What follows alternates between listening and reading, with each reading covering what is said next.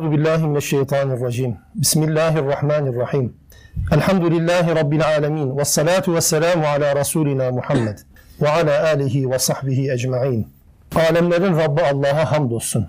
Onun Resulüne, al ve ashabına, onun izinden gidenlere, ona tabi olanlara, ona benzemeye çalışanlara salatü selam olsun.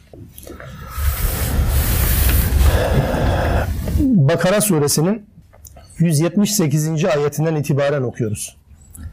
Vasat ümmet olmanın gereği, bütün insanlara örnek ümmet olmanın gereği olarak Rabbimiz tarafından bizlere sorumluluğumuza verilen bir takım görevleri okuyoruz. Tarihten ibret aldığımız varsayılarak İsrailoğullarının kendi kitap ve kendi peygamberleriyle ilgili hayat boyu süren yamukluklarını, yanlışlarını örnek alarak benzer yanlışlara düşmemek, onlar gibi kitabı ve peygamberi gerektiğinde arkamıza atmadan hayat yaşayabilmenin örneklerini Rabbimiz bize aktaracak. Nasıl bir Müslüman olmamız gerekir? Hayatı nasıl şekillendirmemiz gerekir? Karşılaşabileceğimiz olaylara, problemlere nasıl çözüm getirmemiz gerekir? Vahiy ışığında Rabbimiz bu toplumun oluşmasını sağlayan prensipleri bize öğretir. Hem bireysel anlamda ama daha çok toplumsal anlamda, ümmet olma anlamında. Ayet 180 178. Bismillahirrahmanirrahim. Ya eyyühellezine amenu. Ey iman ettiğini söyleyenler. Kutibe aleykumul kısasu fil katla. Öldürülenler konusunda, cinayetler konusunda size kısas farz kılındı. El hurru bil hurri vel abdu bil abdi vel unsa bil unsa. Hüre hür, köleye köle, kadına kadın olarak kısas size farz kılındı. فَمَنْ عُفِيَ لَهُ مِنْ أَخِيهِ شَيْءٌ فَاتِّبَاعٌ بِالْمَعْرُوفِ وَأَدَاءٌ إِلَيْهِ بِإِحْسَانٍ Kardeşi tarafından kim affedilirse maruf çerçeve içerisinde ona tabi olması gerekir ya da affetmeyi diyete bağlı kılmışsa bir maddi tazminatın ödenmesine karar verilmişse onu da güzellikle ve maruf ölçüde ödemesi gerekir. ذَٰلِكَ تَخْف۪يفٌ مِنْ رَبِّكُمْ وَرَحْمَةٌ Bu Rabbinizden bir hafifletmedir ve bu bir rahmetin gereğidir. İlla kısas yapın değil, kısasla birlikte affetme ya da diyetle bunun çözüme kavuşturulması şeklindeki hüküm Rabbiniz tarafından bir hafifletme ve bir rahmettir. فَمَنِ اَعْتَدَى بَعْدَ ذَٰلِكَ فَلَهُ عَذَابٌ أَلِيمٌ Bundan sonra kim haddi aşarsa, diyelim ki affetme üzerinde görüş birine varıldı, orada durmazsa ya da diyet kararı çıktı, haddi aşarsa onlar için elin bir azap vardır. وَلَكُمْ فِي الْقِصَاصِ hayat ya ulil elbab leallekum tettekûn. Ve sizin için ey akıl sahipleri kısasta hayat vardır. Kısasta hayat vardır ve kısasta hayatın oluşu, size kısasın farz kılışının esprisi leallekum tettekûn. Takvalı olasınız diye. Toplum olarak takvalı bir toplum olasınız diye kısas sizin için farz kılındı. Ayet-i kerime kısasla alakalı öldürmelerin, kasıtlı öldürmelerin tabi hükmüyle alakalı olan bir ayet-i kerime. Kasıtlı olmayan öldürmeler Nisa suresinde Rabbimiz tarafından izah edilir. Yani o 92. ayet-i kerimede hatayla adam öldürmenin nasıl çözüme kavuşturulacağına dair örnekler verilir. Müslüman bir toplumda öldürülenin Müslüman olması, anlaşmalı insanlardan bir Müslüman ferdin hatayla öldürülmesi vesaire. Orada Nisa suresinde Rabbimiz bunun örneklerini verir. Kasıtlı olarak bir mümini öldürmenin de cezasını yine 93. Nisa suresinin 93. ayetinde verir Rabbimiz. Orada da mümini kasıtlı öldüren yani bir insanı mümin olduğu için öldürenin de ebediyen cehennem azabına maruz kalacağını Rabbimiz ifade eder. Mümin bir ferdi mümin olduğu için öldürenin cezası da ebedi cehennem olduğunu ifade eder. Burası bir insanı kasıtlı olarak öldürmenin nasıl çözüme kavuşturulacağına dair bir bilgidir. Kısas, Kur'an'ın bu kavramıyla ifade edilen ve bizim de çevirirken de aynı kelimeyle karşılık vermeye çalıştığımız kısas aslında misilleme değildir. Misilleme değil. Yani misilleme olsa öldürülme şekli nasılsa katilin de öyle öldürülmesi gerekir. Halbuki bu böyle değil. Adil bir karşılıktır. Bu ne anlama gelir? Bu şu anlama gelir. Öldüren kişinin cinayeti işlediği şekilde öldürülmesi gerektiği anlamına gelmiyor. Bunu böyle anlayacağız. Öldüren kişinin cinayeti nasıl işlemişse aynı şekilde öldürülmesi gerekir anlamına bir sonuç değil. Adil bir karşılık olarak öldürülmesi gerekir. Tabi burada özellikle Rabbimiz tarafından hafifletme olarak iki maddeye dikkat çekildi. Ve bunu anlatırken de ifadeye dikkat buyurun şimdi. فَمَنْ عُفِيَ لَهُ مِنْ اَخِيهِ شَيْءٌ Kardeşi tarafından affedilirse. Kim o? Yani maktul katilin ahih olarak, kardeşi olarak takdim edilir Allah tarafından.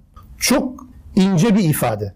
Yani öldüren kişiyle öldürülen kişi, öldürülen kişi arasında hala kardeşliğin var olabileceğine Allah göndermede bulunuyor. Buna atıfta bulunuyor. Kardeşi tarafından affedilirse eğer diye.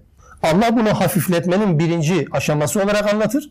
Sonra da diyelim ki herkes buna yanaşamadı. Edaun ve edâ lehi bi ihsan ya da güzellikle bir takım şeyleri eda etmesi gerekir. Yani fidye türü dediğimiz bir şeyle eda edilmesi gerekir. Diyet dediğimiz şeyle. Veya tazminat diyebilirsiniz buna. Kan bedeli diyebilirsiniz.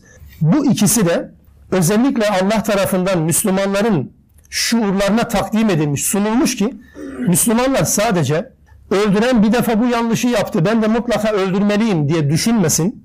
Buna her ne kadar hakkı varsa da affetmeyi de diyeti de ikinci planda, üçüncü planda düşünebileceklerine dair bir vurgudur Rabbimiz tarafından.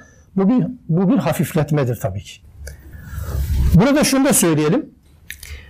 Kan bedeli öldürenin ve öldürülenin ırkına, kabilesine, bulunduğu statüye, sınıfına bakılarak tespit edilmez. Bir insanın değeri bu ve benzeri konulara bakarak, hususlara bakılarak tespit edilmez. İslam insan olmasını şart koşar bitti. Bu hangi statüye, hangi sınıfa, hangi meşrebe, hangi mezhebe ait olursa olsun fark etmez insan olması hasebiyle böyle bir cezai müeyyidenin uygulanmasını özellikle önerir. Bunun altını niye çiziyoruz? Bunun altını şunun için çiziyoruz. Çünkü mevcut mesela kimi medeni hukuklarda, medeni ceza kanunlarında ceza verilirken öldürülen öldürülen kişinin statüsü hesap edilerek, konumu dikkate alınarak tazminat tespit edilir. Söz gelimi bir üniversite öğrencisinin, son sınıfta bir üniversite öğrencisinin böyle bir diyelim ki kaza bile olsa hani hataya öldürmede bile olsa diyetini tespit ederken ona ölçülen değer, biçilen değerle okur yazar olan birisinin bu şekilde aynı kazada ölümünden dolayı biçilen değer aynı değil. Biliyor musun? Beşeri hukukta böyledir. Ya da Adam mesela üst düzey bir yetkili, yetkili insandır. Onun ölümünden doğan tazminat miktarıyla sıradan bir insanın ölümünden doğan tazminat miktarı aynı değildir. Bu beşeri sistemlerin özelliğidir. İslam insanı insan olarak ele alır ve bu noktada sınıf farkına, statü farkına bakmadan kimse neyse ona göre değerlendirir. İkincisi affetme yetkisini İslam hiçbir zaman devlete vermez. İslam hukuku öldürülen bir kişinin katilini affetme yetkisini sadece ve sadece maktulun, öldürülenlerin varislerine ve birinci derece yakınlarına verir. Devletin bu noktada hiçbir zaman inisiyatif kullanma hakkı yoktur. Yapamazsınız. Devlet kendisine yönelik suçları affedebilir. İslam hukukundan bahsediyorum. Ama şahıslara yönelen suçlarda devlet inisiyatif alıp da ben bunu affettim diyemez. Dediği an ne olur? Şekil A'daki gibi olur tabii ki insanlar kendileri çözüm üretirler. Meşru olmayan yollarla kendileri işin içerisine girer ve kendi kafalarına göre çözüm üretirler. Sonuç işte sonuç gördüğümüz gibi olur. Onun için İslam hukukunda Kur'an da bunu özellikle varislere bu yetkiyi verir. Affetme yetkisi sadece varislerin de devletin değil. Bu ayet-i kerimede bir şey daha dikkatimizi çekiyor. Ben çevirirken dikkat buyurun. El hurru bil hurri vel abdu bil abdi vel unsa bil unsa. Normal bunu çevirirken Türkçe bir mealde şöyle görürsünüz. Hüre hür, köleye köle, kadına kadın. Ne anlaşılır? Aslında bunun anlamı birebir bu değildir. Yani hür öldürüldüyse karşı taraftan hür öldürülecek anlamına değil. Beri taraftan kadın öldürüldüyse oradan bir kadın öldürülecek anlamına değil. Bunun Türkçesi şudur. Yani bir kez daha altını çiziyorum. Kur'an-ı Kerim'in ifadelerini Arapçadan Türkçe çevirme kabiliyetine sahip olan insanların Sadece bu kabiliyetten hareketle Kur'an'ın anlaşılmayacağının yeniden bir örneğini sunuyorum size. Sadece ve sadece Arapça kelimeyi Türkçe çevirerek Kur'an'ın anlaşılabileceğini zannetmenin yanlışlığına dair bir örnektir bu. Hüre hür, köleye köle, kadına kadın. O değil tabi. Mesele o değil ya. Mesele şudur aslında. Nebevi uygulamalara, ayetin nazil olduğu ortamdaki uygulamalara bakarak bunu söylüyorum. Eğer hür bir adam cinayeti işlerse o hür öldürülür. Eğer bir köle cinayeti işlerse köle öldürülür. Eğer bir kadın cinayeti işlerse kadın öldürülür. Çünkü bu ayetin nazil olduğu dönemde diyelim ki öldürülen kişi üst düzey bir yetkili. Öldüren karşı kabileden bir köle. Diyor ki maktulün yakınları bizden öldürülen büyük bir adam. Biz katili öldürmekle rahatlamayız. Buna denk bir adam öldürmemiz gerekir. Bu ayetin nüzul ortamında bu tip örnekler var. Ondan hareketle bunu söylüyorum. Kim öldürdüyse öldürülecektir. Hürse hür, köle ise köle, kadın öldürdüyse kadın öldürülecektir. Yoksa yani birebir karşılaştırma anlamına bu değil. Özellikle bunun altını çizelim. Hocam bu... Kim öldürdüyse, kim öldürdüyse öldüren o şekilde. Kim öldürdüyse öldüren öldürülecektir. Yoksa kabile standardına, sınıfına bakarak bu yapılmaz. Bunu bilelim. Bu son günlerde özellikle bu konuda tartışılmaktadır. Tevafuk. Aynı konu içerisine gidiyoruz haliyle. Yani idam cezaları olsun mu olmasın mı şeklinde. Az önce ifade etmeye çalıştım. Öldürülen bir insan söz konusu ve siz öldüreni affetmeye çalışıyorsunuz. Bu kendi ölümünüz olmadığındandır. Bu başka izah olmaz. Kendi ölümünüz olmadığındandır. Ciğerinizin yanmamasından dolayıdır bunu söyleyenler. Hatta idam cezasının kaldırılması gerektiğini söyleyenlerin yakınlarının öldürülmediğini herhalde söylemek lazım. Çünkü başka türlü insanın fıtratına uygun olan Allah'ın bu yasasını iptal etme imkanınız yok. Kim ne derse desin cinayet konusunda idam cezalarının kaçınılmaz bir şekilde uygulanması gerekir. Bu böyledir. Beşeri sistemler farklı çözümler bulabilirler. O farklı buldukları farklı çözümlerin faturasını yine aynı sistemler çekiyor ve çekmeye mahkumdur. Onun için insanların değeri bir hayvandan farksızdır. İnsanlar rahatlıkla bir insanı öldürebilmektedirler. Çünkü nasıl olsa kurtulacağız. Nasıl olsa belli bir süre yatacağız ve sonra çıkacağız. İşin rüşvet, dalavere, alevere işlerini karıştırmıyoruz zaten. O ayrı. Dolayısıyla bu insanlık bu haliyle nereye kadar gidecek? Ve dolayısıyla hiç kimsenin can güvenliği olmayacak. Günde onlarca insan öldürülüyorsa eğer bir toplumda burada oturup düşünmeleri gerekmez mi? Gerçekten cinayet işleyenlerin işledikleri bu cinayet yanlarına kar kalmalı mı değil mi? Bunu sormak lazım, sorgulamak lazım. Ama maalesef maktule acıyacaklarına, öldürülene acıyacaklarına öldürene acıyorlar. Belki duygusal yaklaştığımız zaman bu acımanın haklılığını söyleyebilirsiniz. Yani ya zaten bir adam öldürülmüş. Bunu bir, se bir sefer bir şekilde yanlış yapmış. Hiç olmazsa bunu da öldürmeyelim. Hayır o değil. Mesele o değil ki. Yani bu bunu düşünmek adeta şuna benzer. Yani bir kurdun bir koyun sürüsüne dadandığını görüyorsunuz. Hayvan Haklarını Koruma Dernekleri isyan ediyor kurdun öldürülmesine. Niye öldürüyorsunuz? Ya bu koyunların, öldürülen koyunların sahiplerine baksanıza biraz da. Hep sürekli kurdun zavallılığından niye bahsediyorsunuz? Bir de ölen koyunların mağduriyetinden söz etsenize. O bakımdan yani sanki insanlar katile daha çok acıyorlar. Ya maktul bunu kimse gündeme getirmiyor. Benim bilebildiğim kadarıyla birçok dünya ülkesinde, birçok dünya toplumunda idam cezaları var. En medeni ülkelerde de var. En medeni ülkelerde de bu var. Hem de akla hayale gelmedik usullerle hem de insanlığa sığmayacak usullerle dünyanın efendisi kesilen ülkede de bu yapılıyor. Elektrikle, bilmem farklı usullerle, iğneyle benzeri şeylerle yapılmaktadır. Yani sıra Müslüman toplumlara gelince feryat kopuyor. Yani sanki cinayetler alsın başını gitsin anlamına bir kapı mı aralanıyor gibi. Belki de komplo diyebilirsiniz buna ama benim aklıma o geliyor. Allah özellikle kısası kutibe aleykum ifadesiyle farz kıldıktan sonra ki daha sonra gelen ayetlerde kutibe aleykumus siyam ifadesinde de var. Oruç size farz kılındı derken de kutibe ifadesi kullanılmış.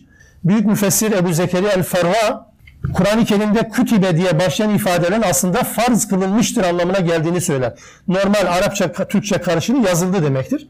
Ama Kur'an kütibe diyorsa bu farz kılındı anlamına gelmiştir. O anlamda kısas size farz kılınmıştır. Fil katla, cinayetlerde ve öldürmelerde kısas farz kılınmıştır.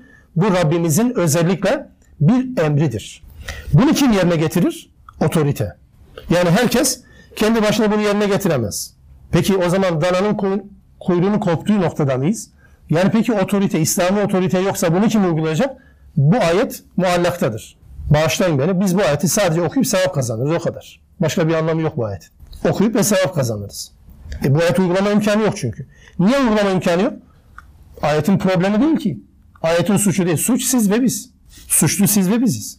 Yani bu toplum, bu Müslüman fert, bu Müslüman fertler, bu Müslüman toplumun bireyleri, üyeleri Allah'ın kitabının uygulamaya konması için çaba, gayret göstermemelerinden dolayı bu, noktaya geliyoruz. Niye uygulanmıyor?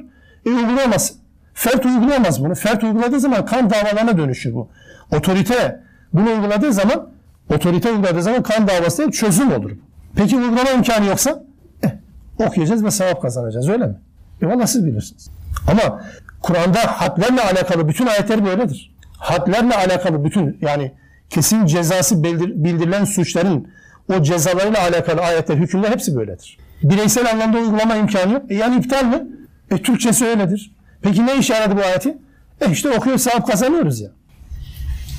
Bu da ayrı bir sorumluluk biliyor musunuz? Allah bu ayeti sırf okuyup sevap kazanalım diye indirmedi Müslümanlar Okuyup sevap kazanalım anlamda indirmedi bu ayeti kerimeyi. Onun için buna dikkatlerinizi çekmek istedim. Rabbim bize bir çıkış yolu versin inşallah. Ve üstelik kısası anlatırken وَلَكُمْ fil kısası hayatun dedi. Kısasta sizin için hayat vardır.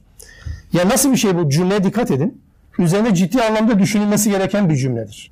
Kısasta hayat vardır. Ne demek kısas? Öldürmek. Birini öldürürseniz hayat bulursunuz diyor. Birini öldüreceksiniz katili. Hayat bulacaksınız. İfade bu. Çok ilginç bir Kur'an üslubu, Kur'an ifadesidir.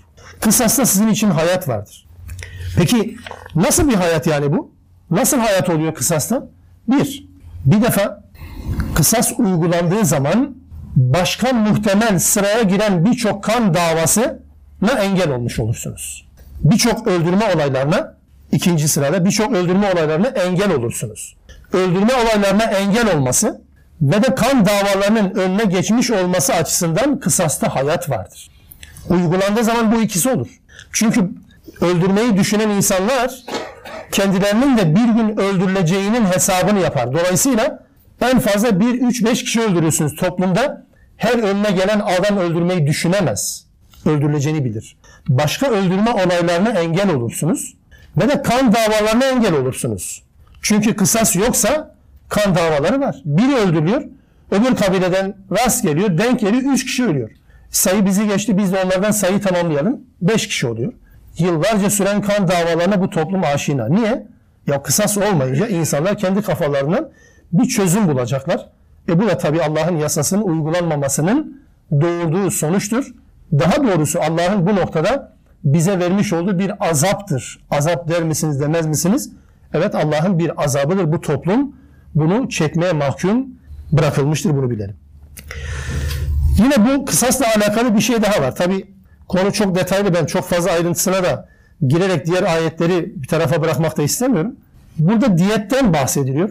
Aynı şekilde mesela hatayla adam öldürmeden bahseden Nisa suresinin 92. ayetinde de diyetten bahsedilir.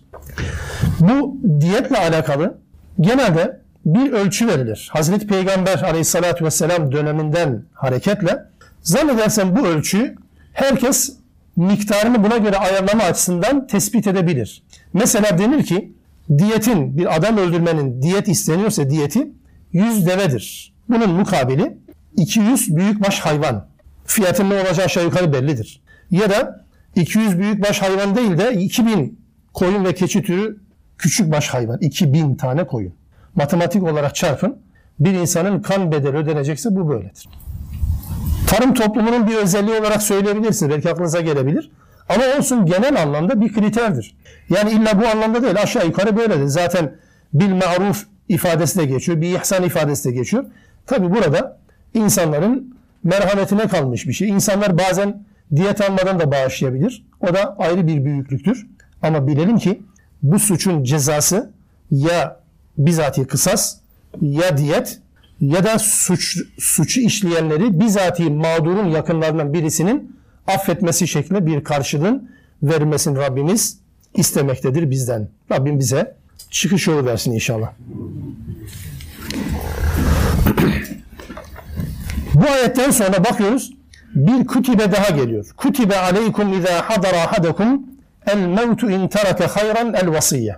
İçinizden bir mal, bir servet geride bırakan kişiler içinizden vefat edecekleri zaman vasiyet etsinler. Vasiyet etmeleri yazıldı onlara. Lil valideyni kime vasiyet edecekler? Anne babaya ve akrabin yakınlara, akrabaya tabi bil maruf, maruf çerçevede yani aşırı bir şekilde bütün malı vasiyet ederek kendi çoluk çocuğunu, kendi aile efradının mağdur ve mahrum olmasını sonuç olarak doğuracak bir şekilde değil, maruf bir şekilde vasiyet edebilir malını. Hakkan alel muttakin, bu muttakilerin bir görevidir. Muttakice, bakın az önce kısasla alakalı olarak leallekum tettekun dedi. Vasiyet konusu geldi. Hakkan alel muttakin dedi. Oruç konusu gelecek. Leallekum tettekun diyecek yine. Hepsi takva ekseninde dönüp dolaşıyor. Bütün konular. Kısas yapın, takvalı olun. Vasiyet yapın, takvalı olursunuz. Oruç tutun, takvalı olursunuz. Ve konu böyle devam edip gidecek Bakara suresinin sonuna kadar. Malı olan bir insanın vasiyet etmesi bir fariza mıdır? Yani vasiyet edilmesi gereken bir şey varsa evet bir farizadır tabii ki. Bir görevdir. Vasiyet edilmesi gereken bir şey varsa. Ne o? Borcu vardır, ödemesi vardır. Yani yakınları da pek fazla farkında değilse icabında ve unutabilirler düşüncesi ortaya çıkacaksa mal sahibinin ya da bu borçların sahibinin vasiyette bulunması gerekiyor tabii ki. Bu ayetle ilgili olarak bir de farklı bir durum da ortaya çıkıyor. Burada özellikle bir insanın kendi anne babasına, kendi yakınlarına vasiyet etmesi uygun olur mu ki? Soru şu, bir insanın kendi anne babasına, kendi yakınlarına, akrabalarına vasiyet etmesi uygun olur mu? Sebep, bu sorunun kritik olma sebebi şu.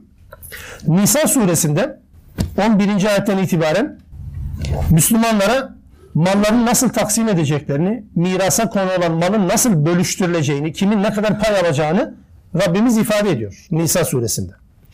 Nisa suresindeki bu miras taksimi herkesin kendisine ait hissesinin net bir şekilde ortaya konmasından hareketle kimi müfessirlerimiz bu ayetle ilgili olarak demişlerdir ki yani bu ayet miras ayetlerinin nesk edilmiştir. Hükümsüz bırakılmıştır. Doğrusu bunu söylemek mümkün gözükmüyor. Yani nasıl mümkün gözükmüyor? Bir takım insanlar bunu söylemişlerse sen kim oluyorsun diyebilirsiniz tabii ki. Farklı şekilde söyleyenler de olduğundan hareketle bunu söylüyorum. yani burada varislere vasiyet olmayabilir. Bir insan vasiyet eder, varis olmaz. Vasiyet ettiği kişi varisi olmayabilir. Hatta varisiyken varis olma özelliğini kaybeden bir insana da vasiyet edebilir. Nasıl yani? Varisken varis olma özelliğini kaybeden bir yakını. Baba varistir, oğul varistir mesela normal İslam hukukuna göre. Ama diyelim ki baba kafir. Diyelim ki oğul farklı bir din mensubu. Dolayısıyla bu varis olmaz İslam hukukuna göre. Müslüman Müslümana varis olur. Kafir Müslümana varis olmaz. Şimdi böyle bir durum söz konusu olduğunda mal sahibi olan birisinin, bir Müslümanın kafir olan anne babasına, kafir olan çocuklarına vasiyet etmesi niye olmasın ki? Yani onlar bütün maldan mahrum olacaklar. Bu mahrumiyeti bilen bir Müslüman ölmeden önce vasiyet edebilir. Benim şu kadar malım işte şu oğluma, kafir olan oğluna, kızına ya da babasına, annesine. Bu gayet normaldir. Bu ayet böylesine problemlerle karşılaştığı zaman Müslümanlar için çok önemli bir çözüm yoludur. Bunu unutmayalım. Yoksa bu ayeti hemen bir çırpıda miras ayetlerinin neskedilmiş olduğunu söylemek kolaydır ama işi çözümsüz bırakır. Bunun da uygulama imkanı var o da bu. Yani kafir olan varis mirastan pay sahibi olmayınca mal sahibi vasiyet yapabilir. Bu gayet normaldir. Hatta daha daha net bir örnek vereyim. Dede yetimi dediğimiz kimseler vardır. Yani mesela babası dedesinden önce vefat etmiş çocuklar. Babası dedesinden önce vefat etmiş çocuklar. Normal İslam hukukuna göre hani dedesi sonra vefat ediyor ya. Çünkü dede hayattayken malı miras konusu değildir. Çocuğun babası önce vefat etmiş. Dede sonra vefat ediyor. Dede yetimi diyoruz biz buna. Şimdi dolayısıyla bu dede vefat ettiği zaman oğlu daha önce öldüğü için kendi torunlarına mirastan bir pay düşmüyor İslam hukukuna göre. Buyurun işte bu ayetin uygulama alanı. vefat eden bu dede kendi torunlarına bir takım malların bırakılması için tavsiyede vasiyette bulunabilir. Bu da bir çözümdür. Sonuçta bu ayetin de bu söylediğim birkaç uygulama alanının olabileceğinin göstergesidir. Bunu bir çırpıda neshedildiğini söylemek, ayeti iptal etmek mümkün gözükmüyor bu açıdan söyledim. Vasiyetin maruf çerçevede yapılmasıyla alakalı vurguya gelince bunu şöyle izah edelim. Sa'd bin bir vakas örneği var. Sahih kaynaklarda zikredilir. Aleyhissalatü vesselam Sa'd radıyallahu anh hastayken ağırlaşmış hastalığı. Sonra iyileşti gerçi de. Ağırlaştığı sırada hastalığı gidiyor kendisine. Halini soruyor. Sa'd diyor ki ya Resulallah ben malımın tümünü vasiyet edeceğim. Aleyhissalatü vesselam müsaade etmiyor. Üçte ikisini diyor. Olmaz diyor. Yarısını diyor. Olmaz diyor. Üçte birini vasiyet edeceğim diyor. Aleyhissalatü vesselam çoluk çocuğunu, aile efradını halka el avuç açan yoksullar olarak, olarak bırakmaktan bırakmaktansa malını az tavsiyet, az vasiyet ettir. Çoluk çocuğunu el aleme, halka muhtaç olarak bırakamazsın. Bırakacak şekilde bir vasiyet, bir tavsiye yapamazsın der. Ve bu hadisten hareketle şunu söylüyoruz. Bir Müslüman kendi aile efradını mağdur edecek bir vasiyeti yapamaz mal ile alakalı. Hoş zaten bunu yapan pek fazla Müslümanda kalmadı ya. Yapmak istese bile bunu engellemek gerekiyor. Bunu bilerim özellikle. Maruf çerçevede vasiyet dediğimiz budur. Bu vasiyeti yaptıktan sonra peki vasiyetle alakalı değişiklikler konusunda da Rabbimiz özellikle ne gibi ikazlarda bulunuyor? Bakın ayet 181 فَمَنْ بَدَّلَهُ بَعْدَ مَا سَمِعَهُ فَاِنَّمَا اِثْمُهُ عَلَى الَّذ۪ينَ يُبَدِّلُونَ اِنَّ اللّٰهَ سَمِيعٌ alim. Bakın ha diyor Allah. Allah her şeyi işitir ve her şeyi bilir. Kim ki vasiyet edenin vasiyetini duyduktan sonra, onu işittikten sonra kim onu değiştirirse günahı onu değiştirenedir. Vasiyet edenin orada bir problemi yok. Kim onu değiştirirse günahı onadır, değiştirenedir. Bu yönüyle baktığımız zaman aslında vakfiyeleri değiştirenler bizim toplumda gelenek olarak var. Eskiden kimi vakfiyeler vardı. Mesela vakfetmişler. Müslümanların çeşitli ihtiyaçlarını görmek üzere, gidermek üzere vakfedilmiş vakfiyeler var. Vakfiyelerde tavsiyeler yazılır. Yıllar önce, yüzyıllar önce vakfeden şahısların vakfiyede hangi şeyi şart koştuklarına dair vakfiyeler vardır. Vasiyetnameler vardır. İşte o vakfiyeleri değiştirenler, onları vasiyet edenlerin vasiyet gayelerinin dışında kullananlar, diyelim ki bir amaca yönelik olarak bunu vasiyet etmiş, yıllar sonra başkaları önüne geçmiş, başka bir amaçla kullanıyor. Bunu yapanlar, evet, bunu iptal edenler çok büyük bir vebalin altındadırlar. Bunu bilmek lazım. Değiştiremezsiniz. Nasıl tavsiye edilmişse o şekilde tavsiye ve vasiyet devam etmek, korunmak zorundadır. Peki ya tavsiye ya da yapılan vasiyet dine uygun değil, meşru değilse ne yapacağız? Yine vasiyete uygun kalacak mıyız? İşte 182. ayette buna yönelik bir çözüm. فَمَنْ خَافَ مِنْ مُوسٍ جَنَفًا اَوْ اِثْمًا فَأَصْلَحَ بَيْنَهُمْ فَلَا اِثْمَ عَلَيْهِ Her kim vasiyet edenin haksızlığa, haksızlığa veya günaha, günah işlemeye meyletmesinden endişe ederse yaptığı vasiyet nedeniyle bir vasiyet yapıyor. Yaptığı vasiyetle günah işlemeye meylediyor. Yaptığı vasiyetle bir haksızlığa neden oluyor. Kendi çocukları arasında olabilir, vasiyet ettiği kişiler arasında olabilir. Düpedüz gözle görülür bir haksızlığa neden oluyor, bir zulme neden oluyorsa o zaman onun bu vasiyetini düzeltmekte bir günah yoktur. Yani o vasiyeti ıslah edip meşru bir çizgiye getirmekte de bir vebal yok. Bu düzeltme girişiminde bulunan için de şunu söyleyemezsin. Ya bu adam yapılan vasiyeti yerine getirmedi. Hayır. Yapılan vasiyet meşru değildi. Yapılan vasiyet günaha meylediyordu. Yapılan vasiyet birinin zulmüne neden, birinin mazlum olması neden oluyordu. Dolayısıyla bu vasiyetin değiştirilmesi kadar doğal ve olan bir şey yoktur. İşte fela isme aleyh dedi Rabbimiz bu. Buna da günah yoktur. Bunu değiştirebilir. Ama onun dışında değiştiremez. İnna Allah gafurur rahim. Allah elbette gafur ve rahimdir. Bu yönüyle baktığımız zaman Allah'ın razı olmayacağı kişilere, Allah'ın razı olmayacağı bir faaliyete, Allah'ın razı olmadığı bir kuruluşa, kendisini İslam'a değil başka şeylere hizmete adayan bir takım kuruluşlara bir malın vasiyet edilmesi işte bu 182. ayetin kapsamına girer. Vasiyet eden vasiyet etsin istediği kadar. Bu vasiyeti yerine getirmemek bir görevdir. Bakın getirmek demiyorum. Getirmemek. Çünkü adam diyor malını şuna vakfediyor. Vakfettiği yere bakıyorsunuz. Ya Allah adına bir şey yapılmayacak. Allah'ın razı olduğu bir faaliyet orada yapılmayacak. Dolayısıyla bu şekilde olan, bu ve benzeri olan tavsiyeleri, vasiyetleri varislerin yani yetkisi olan, hakkı olan insanların değiştirmesi kadar normal bir şey yok. Rabbimiz özellikle buna işaret ediyor. Bu yönüyle mesela 181. ayette az önce okuduğumuz yani vasiyeti değiştirenin vebaliyle alakalı 181. ayette adil bir vasiyetin doğru bir vasiyetin değiştirilmesinin günah olduğu anlatılırken bu 182. ayette ise adil olmayan, zulme neden olan, günaha sevk eden, haksızlığa meyleden bir vasiyetin düzeltilmesinin günah olmadığı bildirilmekte. Bu yönüyle baktığımızda da şu sonuç ortaya çıkıyor aslında. Adaletsiz bir vasiyeti düzeltmek, doğru olmayan, meşru olmayan bir vasiyeti düzeltmek hem ölüyü günahtan kurtarır, öleni vasiyet yapanı günahtan kurtarır, hem de varisleri kavgadan, cidalden, nizadan, münakaşadan muhafaza eder. Hem ölüyü günahtan kurtarır. Yani vasiyet etti ama en azından onun malı bir günaha vesile olmaz.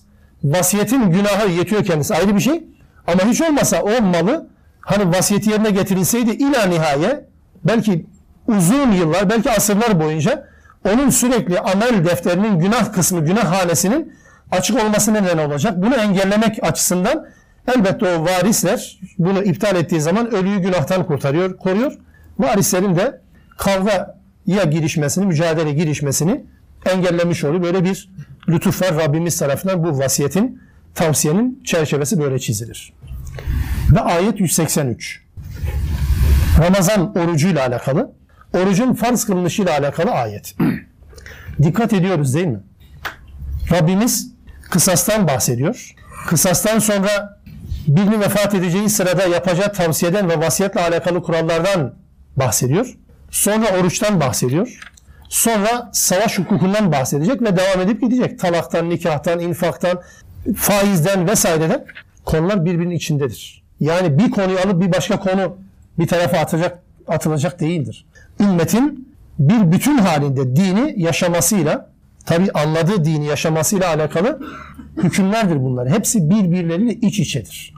Birini uygulamak diğerini uygulamayı gerektirecektir. Peş peşe gelecektir. Bu anlamda birbirleriyle görünürde alakası olmayan öyle zannedilen hükümler bir arada Rabbimiz tarafından zikredilir. Kısas bir toplumda problem olabilecek bir durumu gösterir. Var problem olabilir. Problemin çözüm şeklidir. İnsanlar ölecektir, vasiyet edecektir. Ama oruç peki ne yapacak? Bu tip sıkıntılardan, böyle bir problem toplum oluşmasından, böyle bir toplumun bu hale gelmesinden koruyacak bir mekanizmadır oruç. Koruyacak bir mekanizmadır. Bunu şunun için söylüyorum çünkü dinle alakası olmayanlar bile bir takım istatistikler yapıyorlar. Müslümanların oruç tuttuğu dönemler suçların en az işlendiği dönemlerdir. Hırsızlığın, gaspın, adam öldürmenin, cinayetlerin en aza indirildiği, indirgendiği dönemlerdir. Bu açıdan diyorum oruç bir toplumu takvalı hale getirir. Korur kendisini. O toplumu koruyucu bir şeydir. Hatta hani aleyhissalatü vesselam da bunu ifade eder ya oruç kalkandır diye. Oruç kalkandır. Neye kalkandır? Kalkan ne görev yapıyorsa oruç da fert ve toplum için aynı görevi yapar. Gelecek tehlikeleri bertaraf etme işlevi görür oruç. Bu yönüyle Rabbimiz hemen arkasından oruç bahsine geçti. Ya eyyühellezine amenu Ey iman ettiğini söyleyenler. Kutibe aleykumus sıyam size oruç farz kılındı. Kema kutibe alellezine min kablikum sizden öncekilere tıpkı farz kılındığı gibi. Sizden öncekilere de farz kılınmıştı oruç. Size de aynı şekilde farz kılındı. Sebebi ne? Oruç ne işe yarar? Ne yapar oruç? لَعَلَّكُمْ تَتَّقُونَ Takvalı olursunuz oruçla. Oruç sizi müttaki yapar. Oruç sizi Allah'a karşı sorumluluğunuzun bilincine vardırır. Oruç Allah'la birlikte oluşu sürekli hatırlatır. Oruç Allah'la birlikte oluşu hatırlattığı gibi yanlış yapma konusunda caydırıcı bir rol üstlenir bunu bilelim. Oruç bu yönüne bakıldığı zaman aç kalmak değil.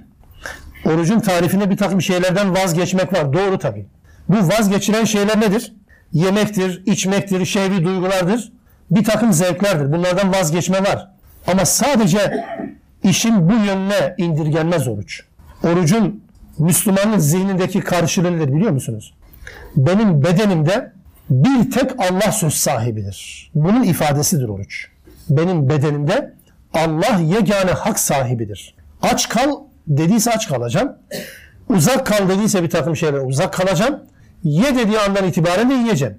Bu başka bir güç tarafından insan üzerinde etkisi olmayan bir şeydir. Ancak olsa olsa Allah'ın etkisi olabilir. O yüzden oruç bir Müslüman için Allah'ın kendi bedeni üzerinde yegane hak sahibi oluşunu yansıtan, ifade eden bir ibadettir. Bunu bilelim. Ondan dolayı orucun amacını, tutuluş amacını Rabbimiz leallekum tettekunla ifade eder. Burada özellikle dikkatlerinizi çekmek istediğim bir konu var. Genelde her Ramazan başlarken ilk gün ya da arefesinde, öncesinde şöyle bir cümleyle giriş yapılır. 11 aydır midelerimiz yoruldu dinlendireceğiz. Ya böyle orucun gerekçesi olmaz. Ya da şöyle bir cümle. Yani dünyanın birçok ülkesinde kıtlık çeken, aç kalan insanlar var.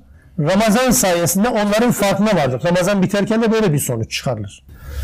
İnanın bak Allah oruç tutmamız sayesinde ne midemizin dinlendireceğini söyler ne de oruç tutma sayesinde aç kalanların açlığını anlamamızı söyler. Hoş zaten Ramazan geldiği zaman kimsenin midesi falan dinlenmiyor da. Hepten ifsat ediyor mide. Çünkü insanlar sanki kıtlıktan çıkmış gibi olur. Ramazan'da öyle gözlemlerim bazen. İnsanlar sanki kıtlıktan çıkmış gibi. Yani bir gün önce ne yiyorsa bir gün sonra da aynısını. Niye olmuyor? Olmaz. Çünkü aç gözlüğünüz var ya. Onun için, onun için marketlere gittiğiniz zaman bir bakıyorsunuz. Zannedersin ki bir gıda sıkıntısı başlayacak. İnsanlar habire taşıyorlar. Oruç hanım mide dinlendirmekte. Bu, bu konuda da samimi değiliz de. Ama orucun sebebi o ve bu değil. Orucun bir tek esprisi var, bir tek amacı var. Tutanları muttaki yapar. Oruç bu amaçla farz kılınmıştır. Onun için ibadetlerin amacını, gerekçesini biz kendi kafamızdan oluşturduğumuz gerekçelerle izah edemeyiz. Bu son derece yanlış. Yani benzer ibadetler konusunda benzer iddialar ve düşünceler ortaya koyuyoruz. Onun için söylüyorum. Yani mesela namazı fizik tedavinin gerçekten vazgeçilmez bir biçimi olarak takdim ediyor kimileri. Ya etmeyin zaten bir namazımız vardı. Namazımızı artık yani bel fıtı olmayalım diye kireçlenme olmasın diye kılmaya başlayacağız neredeyse. Akidemizi niye bozuyorsunuz? Faydası var veya yok. Yani benim kıldığım namaz bana zarar da verebilir. Diyelim ki bir ibadeti ben sadece fayda verdiği için yapmıyorum ki. Yani savaşa gitmek gerektiğinde savaşın nerede size faydası olacak? Canınız gidecek de. Ne faydası var? Yani bir ibadeti yapmanın illa da faydası mı olması gerekiyor? Yok canım ne münasebet. Katlanmak gerekecek bu anlamda. İbadeti faydayla izah etmek bu dönemin hastalığıdır. Onu bırakalım. Yani niyetimiz sahihken, sağlamken birisi kafamıza bir şey sokuyor. Namazın şöyle bir faydası var. Oturarak su içmenin böyle bir faydası var. Affedersiniz ayakta bevletmenin şöyle bir zararı var. Yani birisi sünnet diye bunları yapıyordu. Bunlardan kaçınıyordu. Bu sefer sağlık açısından bunları yapacak ve bunlardan kaçınacak. Yani ibadet olma özelliği kaybolur tabii ki. Amaç farklılaşır. Orucu onun için bu amacı indirgeyemezsiniz. Mesela hacca giderken de reklam yapıyorlar. Bazen dinliyorum böyle.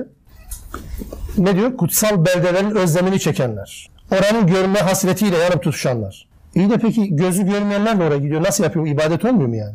Yani gidip oraya görmek midir? Genel yapı bu. Artık tablo böyle değişti maalesef. Yani hac, hac ziyareti hac ziyareti olmaktan ziyade Mekke'ye gidiş ve geliş olarak hesaplanmaya başladı. Ondan sonra insanlar kameralarıyla gidiyorlar. Değil mi? Kameralı fotoğraf makinesiyle özellikle gidiyorlar. Oradan bir takım hatıralar çekiyorlar. Ya benim eskiden bildiğim hacca giden bir adam buradan helalleşiyor. Şimdi kimse helalleşmiyor herhalde değil mi? Nasıl gelecekler ya? İrtibat da devam ediyor telefonla falan.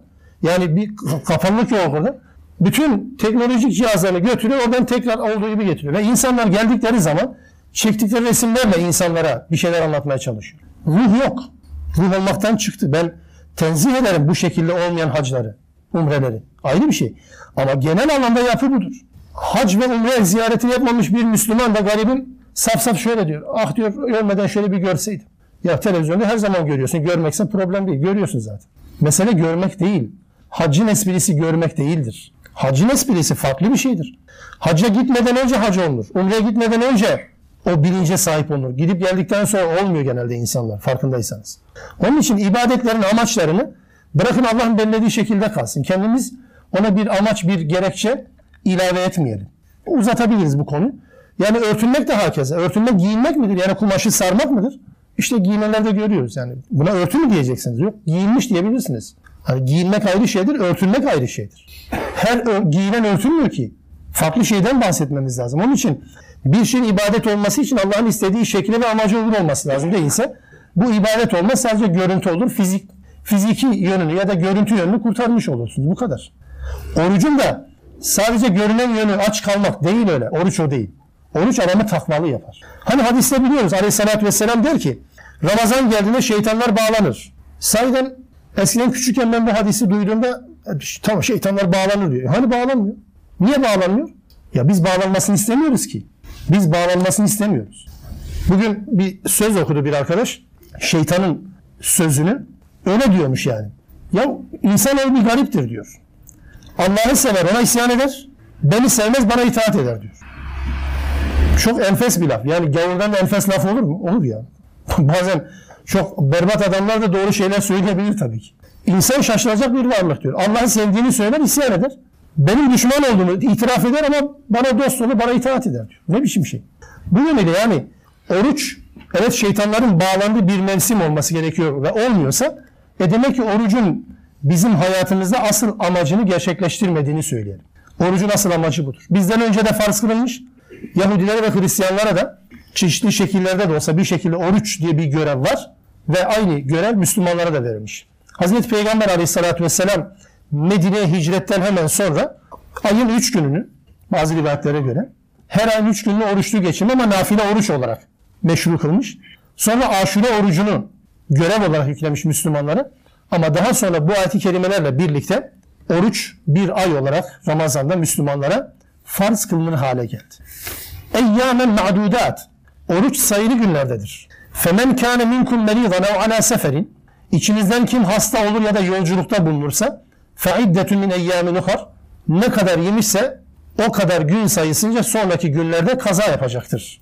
Bu Rabbimizin bizlere lütfu ve merhametidir. Rahmetinin gereğidir. Yolculuk ve hastalık durumunda tutma zorunluluğunu Allah kaldırıyor. Daha sonraki günlerde tutmak üzere bir ruhsat, bir çözüm veriyor bize. Ve alellezine yutiqunehu oruç tutmaya takat getiremeyenler, oruç tutmakta zorlananlar ya da zor takat, zor güç yetirenler fidyetun ta'anu miskin bir miskini doyurmak gibi bir fidye verirler. Femen tatavva hayran fehuve hayrun leh. Kim daha fazlasını yaparsa yani bir miskinden beş miskin doyurursa her güne karşılık ya da fidye verdi sonra tekrar yerine de oruç tuttu ya da oruç tuttu tekrar fidye verdi. Bu daha hayırlıdır elbette. Ama ve en tasumu hayrul lekum şartları zorlayın. Oruç tutmanız sizin için daha hayırlıdır. İn kuntum ta'lemun eğer bilirseniz. Bu ayet-i kerimede 184. ayet-i kerimede geçen bir ifade var. Tartışmanın merkezinde olan bir ifade. Öteden beri müfessirler tarafından tartışma konusu olmuş bir ifade. Ve alellezine yutiqunehu. Bu kelimenin şöyle farklı anlamları var. Oruca dayanamayanlar ya da orucu zorlukla tutanlar ya da güç yetiremeyenler şeklinde karşılığı olduğu gibi şöyle karşılık verenler de olmuş. Oruç tutmaya güç yetirenler de fidye verirler diye anlayanlar da olmuş. Anlatabiliyor muyum? Yani oruç tutmaya güç yetirenler de fidye verecek. E peki orucu kim tutacak? Zaafı olanlar, ihtiyarlar, oruç tutmaya güç yetiremeyen oruç tutacak. Tutanlar, şey güç yetirenler fidye verecek. Böyle bir şey olur mu? Ve bunu da bir aleyhissalatü vesselam döneminden bir takım örneklerle ki ihtilaf var bu örneklerin izahında. İlk dönemlerde oruç tutmaya güç yetirdiği halde bunda zorlanan insanlar varmış. Fidye vermişler ve oruç tutmamışlar. Kimisi oruç tutmuş. Ne kadar uygulamada kalmış bu? Kapalı. Buradan hareketle bunu ifade etmeye çalışıyorlar. Oysa böyle bir çeviri şekli bu ifade taban, tamamen zıttır. Niye zıttır? Bir defa oruç tutmaya gücü yetenler fidye gerekir dediğiniz zaman akla hiç uymayan bir çelişki ortaya çıkmış olur. Akla hiç uymayan bir çelişki. Niye? Demin ifade ettim çünkü oruca gücü yetenlere fidye eğer vacip olursa o zaman oruç size farz kılındı emri gereğince oruç tutması gereken kişiler kimdir? Oruca gücü yetmeyen acizlerdir. O kadar kalır. Bunu bu şekilde ifade etme imkanı yoktur. Ciddi ciddi bu tartışıldığı için ben söylemek zorunda kalıyorum. Oruç tutmaya güç yetirenler fidye verirler gibi bir görüş olmaz. Buradaki yapıya da tamamen aykırıdır bunu bilelim. Geriye bir tek ihtimal kalır da şudur. Oruç tutmakta zorlananlar, oruç tutmaya dayanamayanlar O zaman bir fakiri yedirirler. Her güne karşılık bir fakiri sabahlı akşamlı doyururlar. Ya öğlen? Öğlen yok mu? Unutmadık. Öğlen yok yani. Çünkü sabahla akşam yemek yenir. Öğlen? Öğlen yemeği, ikindi yemeği, arada aparatif şey o bize mahsus bir şeydir. Yani o bizim geliştirdiğimiz yemek öğünleridir normalde. Sabah ve akşamlı. Tabii ben fidye vereceksem ben nasıl yiyorsam öyle vereceğim. Hemen tabii iş kolayımıza geldi ya. Yani ben nasıl yiyorsam öyle vereceğim. Hemen buradan şunu çıkarmayın yani. Ha nasıl olsa iki öğün yemek vereceğim. Ben niye üç öğün, dört öğün? Ama sen nasıl yiyorsun? Fidyen de öyle olacak. Hatta fidyenin miktarı da böyledir. Yani fidyenin miktarıyla alakalı hani bizde zihnimizde ne var? Arpadan şu kadar, buğdaydan şu kadar, hurmadan bu kadar, üzümden bu kadar. Kime neye göre? Duruma göre tespit edilmiş. Bu maddeler Peygamber aleyhissalatü vesselam döneminden bugüne gelinceye kadar farklılaşmış. Belki o dönemde birbirine yakındır. Yani hurmanın miktarıyla, fidye için hurmanın miktarıyla efendim buğdayın miktarı arasında bir fark yoktur. Bir derin uçurum yoktur. Tıpkı altın ve gümüş arasında bu kadar derin uçurum olmadığı gibi. Ama zaman içerisinde bu farklılaşınca bize farklı gelebiliyor. Yanlış yapıyorsam Rabbimden af dilerim ama burada özellikle bir şeyle mukayese ederek netleştirmek istiyorum bunu. Fidye, verilecek fidyenin miktarıyla alakalı Rabbimiz e, Maide suresinin 89. ayetinde 89. ayetinde yeminin kefaretinden bahsederken yeminin kefaretiyle ilgili fidyeden ve fitreden bahsederken özellikle e, min evsati ma tut'imune ehlikum ifadesini kullanır. Fakirlere yemek yedirmeniz der. Bu yeminin kefaretiyle alakalı. Bunu söyledikten sonra min evsati ma tut'imune ehlikum der. Kendi ehlinize yedirdiğinizin ortalamasından yeminin kefaretiyle alakalı bir husus olmakla birlikte Allahu alem bunu bütün fidyelerde uyarlamak, uygulamak gerekiyor gibime geliyor. Ben müştehit değilim ama anlayabildiğimi söylemeye çalışıyorum sadece. Bunun esprisi şu. Her bir ferdin fidyesi diğerine göre farklıdır. Çünkü herkesin geliri farklıdır. Herkesin ortalama ailesine yedirdiği miktar ölçü farklıdır. Onun için fidye de farklı olacaktır. Bunu buradan özellikle netleştirelim. Onun için maddi durumumuz, ekonomik durumumuza göre vereceğimiz fidyenin miktarı da durumu da değişecektir. Bunu özellikle altını çizmekte fayda var. Ayrıca bu ayet-i kerimede özellikle oruç için üç tane mazeretten söz edilir. Hastalık, yolculuk ve oruca zor dayanmak. Hastalık ve yolculuğu biliyoruz. Detayına girmiyorum. Bir hastanın bir doktor aman sen oruç tutma öleceksin demesinden ziyade kendisi bunu tespit edebilir. Bir uzmanın elbette tavsiyesi önemli ama bazen çok ters sonuçlar ortaya çıktığı için bunu söylüyorum. Bir insan kendisini daha iyi bilir. Oruç tuttuğu zaman fayda ve zarar olup olmayacağını. Sefer durumu da hakeze. Yani işte bugünkü miktardan hareketle söylemek gerekirse 100 kilometrelik bir mesafeye gidiliyorsa bu mesafe yolculuk halinin oluşması için yeterli bir mesafe. Şartların düzelmesi, iyi olması, yolculuk şartlarının iyi olması falan bunlar fıkıhta tartışılmış olsa da sonuçta bu prensibi iptal etmiyor. Çünkü aynı durumu Hazreti Ömer'e de sormuşlar sahabe-i kiram aleyhissalatü vesselam'dan sonra. Yani demişler biz peygamber döneminde namazlarımızı kısaltıyorduk. O zaman sıkıntılar vardı. Şimdi rahata erdik. Gerek var mı? Hazreti Ömer diyor ki bu sorunun aynısını ben peygambere de sordum. Dedim ki ya Resulallah ilk dönemlerimizde böyle sıkıntılardı. Şimdi rahatladık. Yine kısaltacak mıyız? Aleyhissalatü vesselam dedi ki bana bu Allah'ın bir lütfudur, ikramıdır kabul edin dedi. O yüzden bu Allah'ın bir ikramıysa bunun üzerine çok fazla tartışmanın da gereği yoktur kanaatimce. Ama burada özellikle üçüncü husus yani orucu tutmakta zorlananlar veya oruç tutmaya güç yetiremeyenler. Bunlar kimler? Bunlar özellikle yaşlılık yüzünden zayıf düşmüş kimseler, çocuk emziren kadınlar ya da hamile olan kadınlar. Bunlar oruç tutmakta zorlanan insanlar sınıfında değerlendirilebilir. Ramazan ayı, oruç ayı sıcak mevsime geldikçe çözüm arama arayışı da dikkat ediyorsanız artıyor. Her işimizde olduğu gibi biz kendimizden fazla sıkıntıya girmeden mümkünse dinden yontarak, mümkünse oradan alarak, oradan kendimize bir tarafa alarak rahatlama, çözüm bulma çabası içerisine giriyoruz bazen. Bu ağır işlerde çalışan kimselerin orucu tutmakta zorlananlar sınıfına, orucu tutmakta zorlananlar sınıfına dahil edileceği hükmü kimi fıkıhçılar tarafından, kimi İslam hukukçuları tarafından benimsenmiştir. Ama benimsenmiş olsa da bu hemen ayaküstü söylenecek, karara bağlanacak bir konu değil. Çünkü günümüzde gerçekten kolaycılığa kaçma anlayışı hakim. Mümkün mertebe işi kolaydan halletme. Doğru. Dinde eğer gerçekten kolay bir çözüm varsa o kolay tercih etmekte sonuna kadar Müslüman serbest. Hatta Aleyhisselatü Vesselam'ın uygulamalar da böyledir. Bir konuda iki farklı uygulama varsa Aleyhisselatü Vesselam bunların en kolayını tercih ederdi. Eyvallah. Ama dinde olmayan bir uygulamayı kıyas ederek, oradan çekerek, buradan bitiştirerek, buradan dikerek, oradan yamayarak çözüm gibi bir şey üretmek de elbette gerçekten İslam'a ve dine haksızlık ve biraz da sınırı çizmek, sınırı aşmak olacaktır. Ben bu yönüyle şunu söylüyorum bakın. Yani önümüzdeki aylar işte yaz aylarına Ramazan orucu gene gelecek. Müslümanlar daha çok tartışacak. Geçen sene bunalım yaşadılar. Tartıştılar ama bir çözüm, henüz bir çözüm yani fetva verenler oluyor tabii ki. Yani tamam kardeşim sen güç yetiremiyorsan ve alellezine yutikunehu ayetin kapsamındasın tamam sonra fidyeyle halledersin. Diyenler olsa da ben şu öneride bulunuyorum bakın acizane. Din budur demiyorum. Benim anladığım bu. Fidye akla gelen ilk çözüm olmamalı değerli kardeşlerim. Fidye akla gelen ilk çözüm olmamalı. Oruç tutmak için bütün yollar denenmelidir. Hangi şartta ve pozisyonda çalışıyorsa çalışsın Müslüman. Mesela önerim şu. Diyorum ki ya Ramazan ayında gerçekten zorlanıyor musun? Yıllık izni bu ay denk getir. E yani adam keyif yapacak. Ramazan'da keyif yapamayacak ya. Ramazan'dan sonra yıllık izin alman lazım. Yıllık izin aldığın zaman e, lütfen ama fedakarlık yapacaksın. Hatta bu olmadı değil mi? Özellikle çalışan kesim için söylüyorum bunu. Olmadı değil mi? Mesela ücretli izin diye bir kural var. Yani ben bu ay izin hakkım olmamakla birlikte maaşımdan, paramdan vazgeçiyorum. Ben bu ay dinleneceğim. Diyebilir. Efendim ben buna da yanaşamam. Niye? Param gidiyor çünkü. İyi. Yani şiş yanmasın, kebap yanmasın ama karnım doysun. Nasıl bir şey bu? Bu olmaz.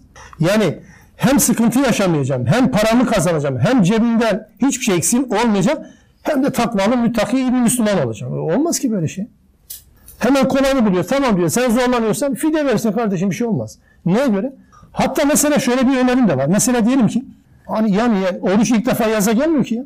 Değil mi? Oruç ilk defa yaza gelmiyor. Asırlardır yazın oruç tutulmuş. Müslümanlar hiç de böyle kıvırmamışlar. Evet kıvırmamışlar. O imkansızlıklar içerisinde oruç tutulmuş. Kimse oruç tuttuğu için ölmedi şimdiye kadar. Yani kurtulursa ne yapar? Orucunu, kazasını yapar. Bu da Rabbimizin bir çözüm olarak bunu öğrenebiliriz. Ama öbür türlü baştan hemen böyle kesip atmak da doğrusu bu kapsama ya da bu bağlama uyan bir çözüm değil bunu bilelim değerli kardeşlerim. Sonra Rabbimiz Ramazan'la alakalı evet Ramazan'la alakalandırarak, ilişkilendirerek Rabbimiz Kur'an'ı gündeme getirir. Şehru Ramazan ellezî unzile fîhil Kur'anu huden linnâsi ve beyinâtin minel huda vel furkan. O Ramazan ayı eyyâmen ma'dudat dedi. Sayılı günler dedi. O eyyâmen ma'dudat o sayılı günler nedir? Ramazan ayıdır. Ki o Ramazan ayında Kur'an indirilmiştir. Niye indirilmiştir? Bütün insanlara, özelde müttakilere kitabın başında öyleydi. Ama genel anlamda burada da bütün insanlara yol gösterici olarak, rehber olarak ve beyinat minel huda vel furkan hidayete açıklayan bir kitap olarak hakla batılı, doğru ve yanlışı, gerçekle gerçek olmayı bir, bir olmayanı birbirinden ayrıştırmaya yarayacak bir ölçü indirdi Kur'an'ı. İşte bu aydır Ramazan ayı. Femen şehide minkumuş şahra felyasun. İçinizden kim bu aya erişirse onu oruçlu geçirsin.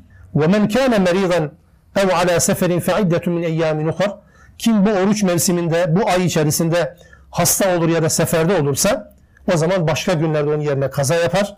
Yuridullahu bikumul yusur ve la yuridu bikumul usur. Allah size zorluk dilemez, kolaylık diler. Hepsi kolaylıktır bu. Ve litukmilul iddete böylece sayıyı tamamlayın. O ayın sayısını. Ve litukebbilullah Allah'ı büyükleyin, tekbir getirin değil. Allahu Ekber demek değil sadece.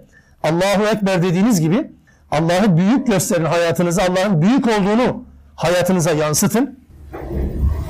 Ve li tükebbirullaha ala ma hedakum hidayet üzere Allah bulundurduğu için sizi Allah'ı büyükleyin ve leallekum teşkurun ve de böylece şükretmiş olursunuz.